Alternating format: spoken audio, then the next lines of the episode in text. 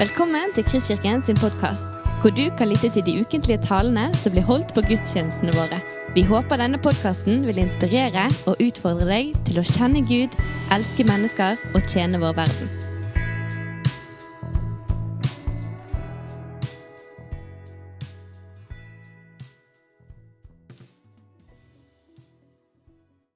I Kristkirken så har vi brukt nesten hele 2021 på å eh, gå gjennom Markus evangelium, og vi er nå nesten ved veis ende. Vi er kommet til oppstandelsesdagen, denne helt enestående dagen som er fylt av dramatikk, kaos, løpeturer, linklær, engler, Jesus, damer, menn, tro, tvil, sorg, ekstase, undring, fisk, honningkaker og mye mer.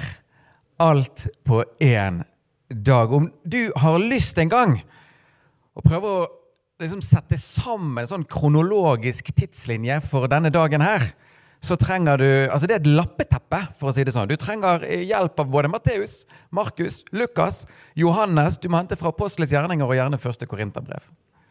Det er så mye denne dagen. Det er så mye som er unikt her. Og hvilken dag! Skal ikke vi jobbe oss gjennom denne tidslinjen i dag, men vi skal eh, se på en passasje fra Markus 16 vers 9-14. Seks vers som ikke bare gir oss informasjon om eh, det som skjedde den gang da, men som gir oss inspirasjon til eh, våre liv i dag. La oss lese sammen. Etter at Jesus var oppstått tidlig den første dag i uken, viste han seg først for Maria Magdalena som han hadde drevet sju onde ånder ut av. Hun gikk av sted og fortalte det til dem som hadde vært med ham, de som nå sørget og gråt. Og da de fikk høre at han levde, og at hun hadde sett ham, trodde de det ikke. Deretter åpenbarte han seg i en annen skikkelse for to av dem mens de gikk på veien og skulle ut på landet. Også disse kom og fortalte det til de andre, men heller ikke dem trodde de. Til sist åpenbarte han seg for de elleve selv mens de satt til bords. Han refset dem for deres vantro og for deres hårde hjerter, fordi de ikke hadde trodd dem som hadde sett ham etter at han var oppstått. Tre bolker nærmest i denne enkle, dype teksten. En, Jesus viser seg for Maria Magdalena, som forteller det til disiplene som ikke tror på henne. Denne historien er mer utbrodert i Johannes 20, vers 11-18. 2. Jesus viser seg for to av de som er i den utvidede disippelflokken.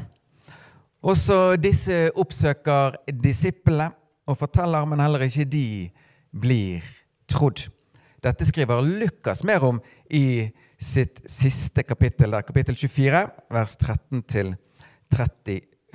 Tredje og siste bolk i teksten. Jesus viser seg for disiplene, og blant andre ting utfordrer han de på at de ikke trodde på disse som kom til dem.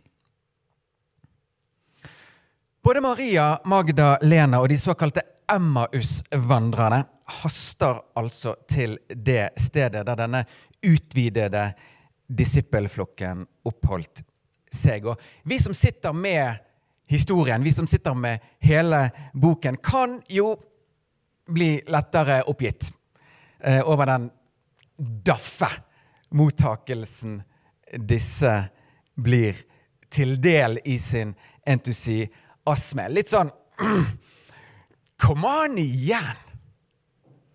Jesus har jo sagt det til dere òg. Og vi sitter jo der og vet at han er rett om hjørnet. sant? Så vi får jo noen følelser når vi leser dette. Men jeg tror ikke vi kommer så langt i forståelsen av dette uten at vi i alle fall gjør et forsøk på å leve oss inn i disiplenes faktiske situasjon. Altså, de er i sjokk over den brå, krappe vendingen som har funnet sted på veldig få dager. For noen dager siden satt de og spiste et langt måltid med helten sin, som talte og delte og ga. Legg gjerne på at de er noe traumatisert, i alle fall dypt, dypt, dypt rystet etter å ha sett en av sine aller kjæreste, og unnskyld uttrykket her, nærmest er blitt slaktet av romerske soldater. Et forferdelig skue som de fleste de valgte å ta på avstand. Legg på at de er i sorg. En nær venn er død. Relasjonstap. Legg gjerne til at de er dypt skuffet, desillusjonert. Kanskje òg sånne følelser melder seg som Er vi ført bak lyset? Altså Disse to Emmaus-vandrerne setter oss på sporet av akkurat den følelsen når de sier til Jesus vi håpet han var den som skulle forløse Israel. Legg til forvirringen. Usikkerheten. Behovet for reorientering. Og den plutselig oppståtte frykten som har meldt seg for fremtiden, for folket, for Rom. Legg til selvmedlidenheten, som sikkert meldte seg i mange etter å ha lagt ned livet sitt i lang tid for dette, for han. Peters ord fra tidligere har i dette lys en slags sørgmodighet over seg. Herre, vi har forlatt alt og fulgt deg. Legg til de emosjonelle utvekslingene, samtaler, som sikkert finner sted midt i alt dette. Kanskje underliggende brytninger mellom de mest idealistiske og håpefulle, trosfylte i gruppen. Sånn, kolliderer her med de mer realistiske. Dette kommer til overflaten. For den saks skyld, dette overordnede. Hva gjør vi med dette fellesskapet fremover? Det var jo han som bandt oss sammen. Vi er jo egentlig ganske ulike. Og vi fungerer jo nødvendigvis ikke utmerket uten Jesus. Og så videre. Det er så lett når man først begynner å male på dette bildet. Sannsynligvis en, kan man lettere bli irritabel i en sånn situasjon. Irritabel på de andre, men de er jo òg i sorg. Jeg tenkte på for min del, Hadde jeg vært en av de som hadde vært der, så tror jeg at i mitt gruble hode så hadde det vært utallige avspillinger av situasjoner de seneste årene. Grønne til årsakene til at jeg gikk sånn for dette, trodde sånn på dette tankekollisjoner som bare julinger. Venner, vi, da Vi kan synes veldig synd på naboen, liksom, når han mister jobben og forstuer tommelen samtidig. Å, du har det tøft! Ok? Her var mye på en gang. Ja. Men tenk dere alt dette, Herre. Når alt dette og mer bare tårner seg oppå hverandre, så er det kanskje ikke så enkelt å være helt balansert. Alt dirrer. Alt er så ladet. Og det siste vi trenger, det siste vi trengte i dette komplekse virvaret, i dette emosjonelle kaoset, er at damen, som er mest kjent for sine tidligere demoner. Kommer løpende inn i rommet med sine hallusinasjoner. Jeg har sett han! Han lever! Jeg har møtt han! Vi får jo vite her at ikke de tror på det. Og da er det veldig lett å sette seg inn på en måte hva, hva, hva, er mekanismen og dynamikken i rommet der? Jeg, tror det er fort at noen av lederne bare Tar, du hun litt? Ma Maria, kom, kom her. Sett deg ned. Vi vet at Jesus betydde veldig mye for deg. Jesus betydde veldig mye for oss alle.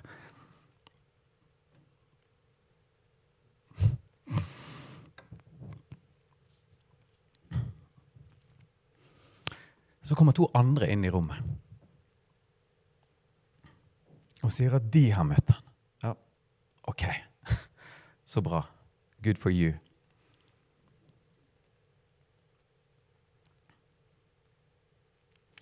Men det gikk bare ikke å tro på det budskapet de kom med, for realitetene vi står overfor, er så tydelige. De er så udiskutable. Jesus døde foran øynene våre. Han ble begravet. Det er fakta med substans. Det er virkeligheten. Så kommer dere her med ord, opplevelser og syner så kommer Jesus da. inn i alt dette. Og blant fredshilsener og andre ting han sier, så utfordrer han de også. Jeg siterer nå fra Lukas' beretning om de samme minuttene der.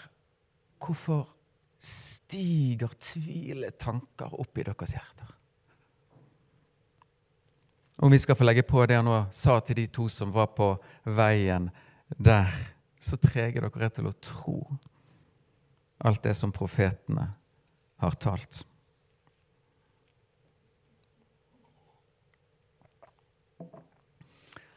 Og akkurat der kjære venner, skal vi i dag gjøre, jeg skal si, begynne på en dreining.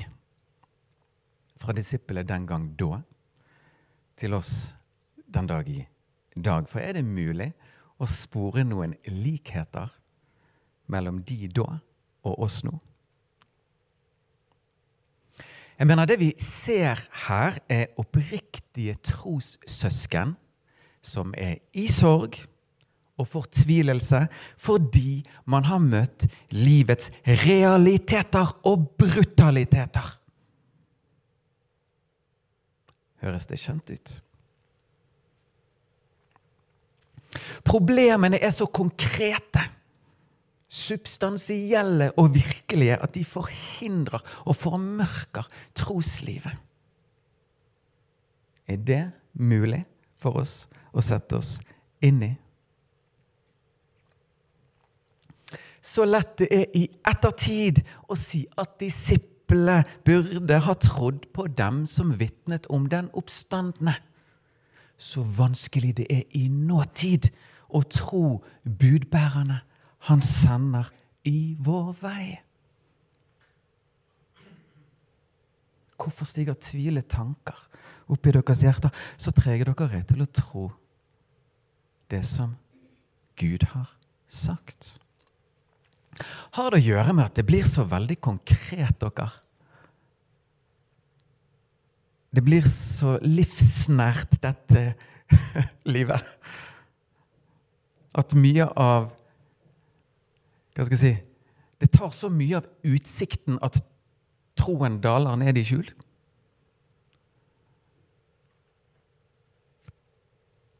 For mange av oss kan dette, som for disiplene, bli ekstra vanskelig når det er snakk om livets nærmeste. Det blir så nært, så påtagelig. Du vet der våre skatter er. Der er vårt hjerte. Der vårt hjerte og vår kjærlighet er, der vil òg sorgen befinner seg. Denne kjærlighetens pris. Disiplene var overveldet av sorg, står det. Det var ikke sånn dette skulle ende. Det var ikke sånn det skulle bli. Men så skal vi i dag kjære venner, merke oss noe veldig spesielt. For de satt nå der, sikre på at Jesus ikke så de. Men det var jo ikke riktig. Han levde, han, og så deres situasjon.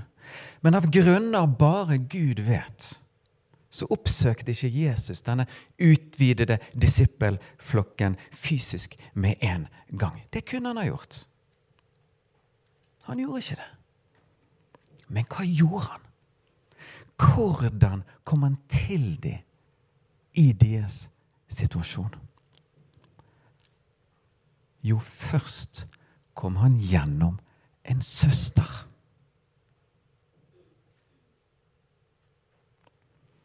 Så kom han gjennom noen brødre som hadde vært med han.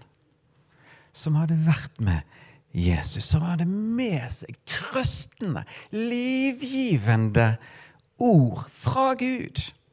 Som kunne lindre, lege og løfte deres blikk. Løfte deres tro på Gud. Gud sendte først til dem kvinner og menn som hadde vært med han.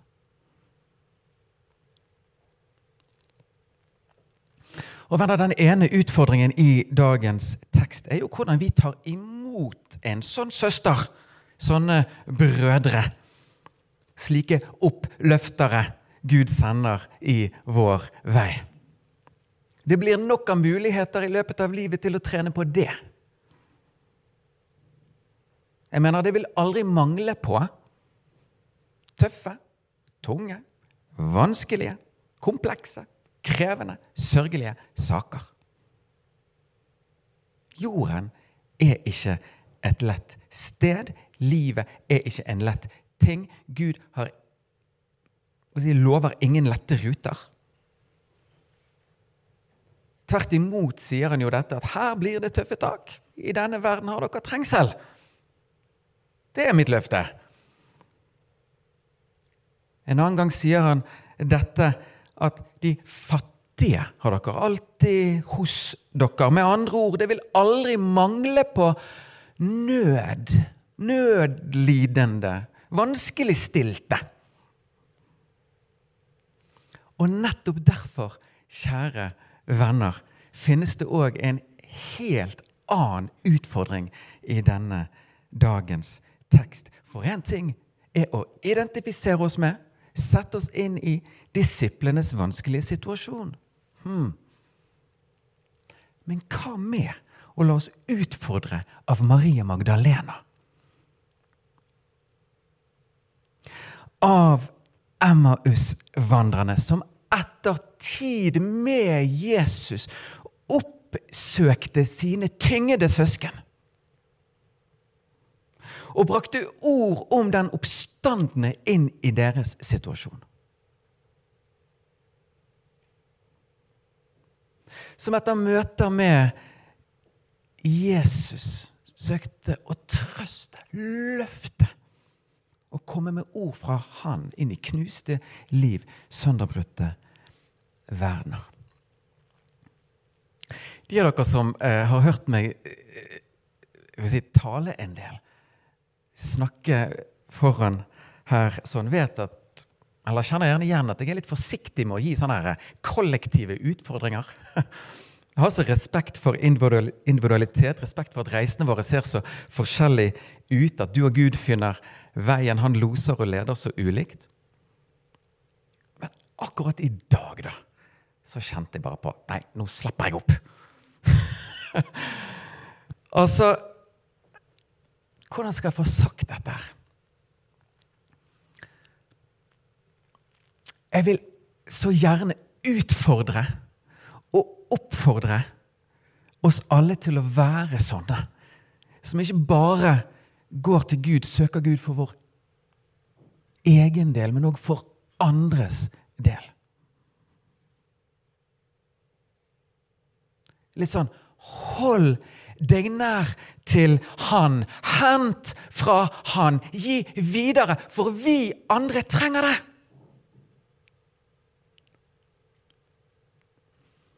Vi andre trenger det. Vi trenger at du er en sånn Maria Magdalena som etter tid med Jesus med frimodighet bringer til oss det du har sett av han, det du har hørt av han, det du har fått av han.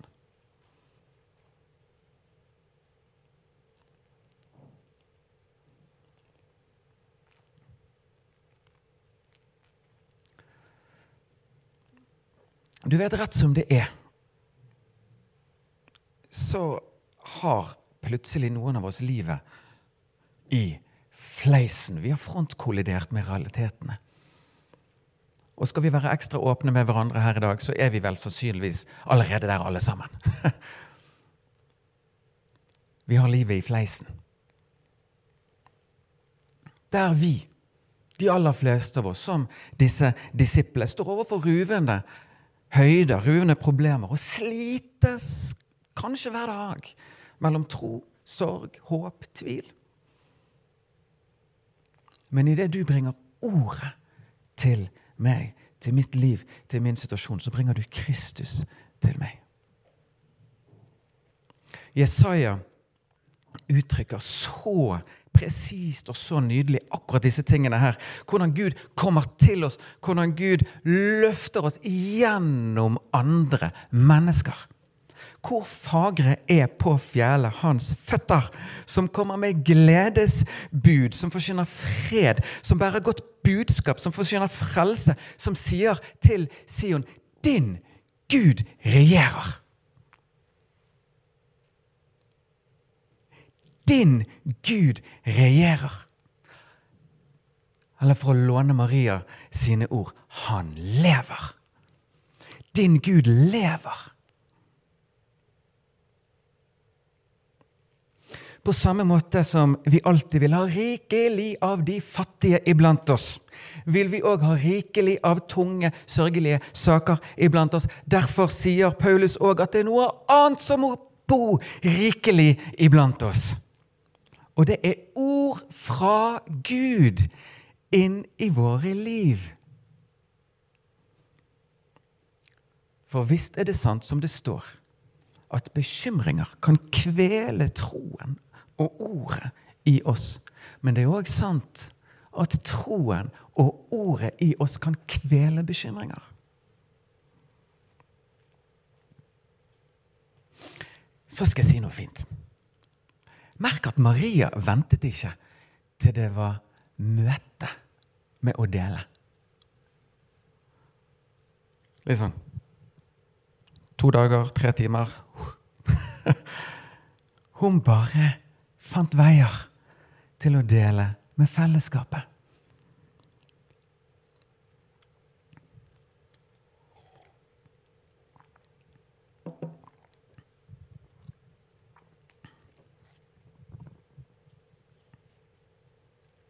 Paulus formulerer det nydelig til, sine, liksom til de troende i Rom, hvor han snakker om dette med å få bli opplivet ved vår felles tro.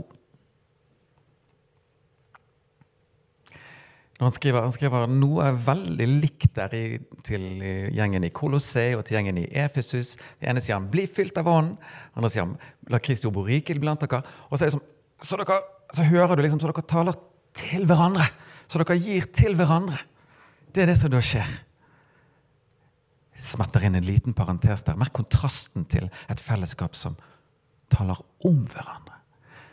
Idet du blir fylt av ånd, så deler du med, du taler til. Nydelig. Men så vil jeg i dag òg da si noe om dette når vi kommer sammen. For det sier Bibelen også noe om. Hvordan er det da, brødre, sier Paulus, når dere kommer sammen? Da har hver enkelt av dere en salme, en lære, en åpenbaring, en tunge eller tydning, eller alt skjer til oppbyggelse. Skal vi merke oss, da? At det står ikke noe om at alt man bringer med seg inn i fellesskapet, skal til alle hver gang. Det bringes til fellesskapet, og ser man hva for Gud hvem det skal gis til dette, hvem det skal sies til. Men så er man denne søsteren, eller disse brødrene, som kommer med trøst og styrke til vår neste. I husgrupper, på gudstjenester og når man ellers kommer sammen. Jeg skal si dere noe litt artig. Noe litt fint. Noe ferskt. Veldig ferskt. Jeg har ikke spurt daglig leder Terje Gilje om å få si dette, men jeg gjør det tydeligvis likevel. Men denne høsten, da, så har vi jo hatt Vi har invitert til noen kvelder med fokus på menighetsutvikling. Og på kveld nummer to, torsdag i forrige uke, var hovedspørsmålet man skulle besvare hvordan jeg aller mest erfarer Gud på Kristkirkens gudstjenester. Hør. Fascinerende mange svarte at man erfarer Gud gjennom det sosiale samværet. Det var liksom up there. Kanskje vi litt overført baker inn dagens tekst, kan si mitt møte med denne søsteren. Mitt møte med disse brødrene.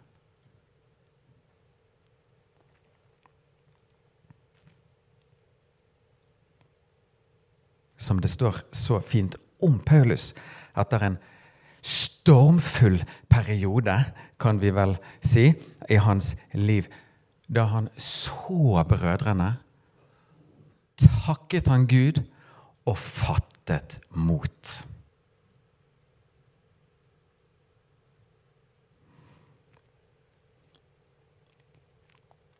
Så kjære venner, la oss holde oss nær til Gud.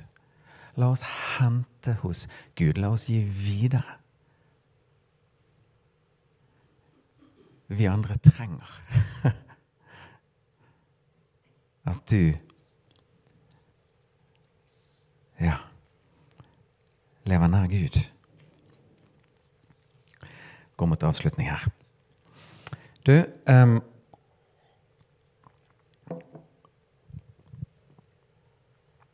Ai, ai, ai. Ja. Vi vet ikke veldig mye om denne Maria Magdalena. Jeg ser at det er en dame sant? Det blir fort antakelser og spekulasjoner rundt henne. Det kan være synderinnen Simon hus. Det kan, altså det kan, det kan. Det aller meste vi vet om henne, er egentlig rundt hennes sentrale rolle rundt oppstandelsen. Det som er utrolig spesielt, er at hun fikk være den første, det første mennesket til å møte den oppstandende Kristus. Hun var en sånn som fikk skal si, komme over fjellet. Fikk forkynne frelse. Fikk forkynne fred. Og som fikk si til sine søsken Din Gud, vår Gud, regjerer. Uansett hva fjellet i ditt liv kaller seg. Og i det skal vi få etterfølge Maria Magdalena.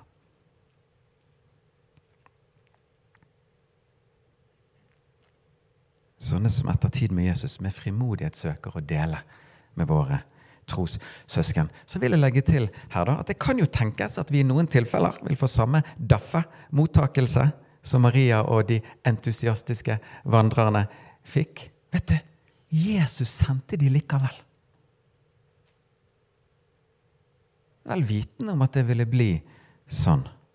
Så styrer ikke vi vår nestes jordsmonn det vi bes om, det er å søke Gud og dele Kristus med våre søsken. Så møter Jesus de på måter han vil, når tiden er inne for det. Du har lyttet til en podkast fra Kristkirken i Bergen. Vi håper du har blitt inspirert og utfordret i din vandring med Gud. Vil du vite mer om oss, så klikk deg inn på kristkirken.no.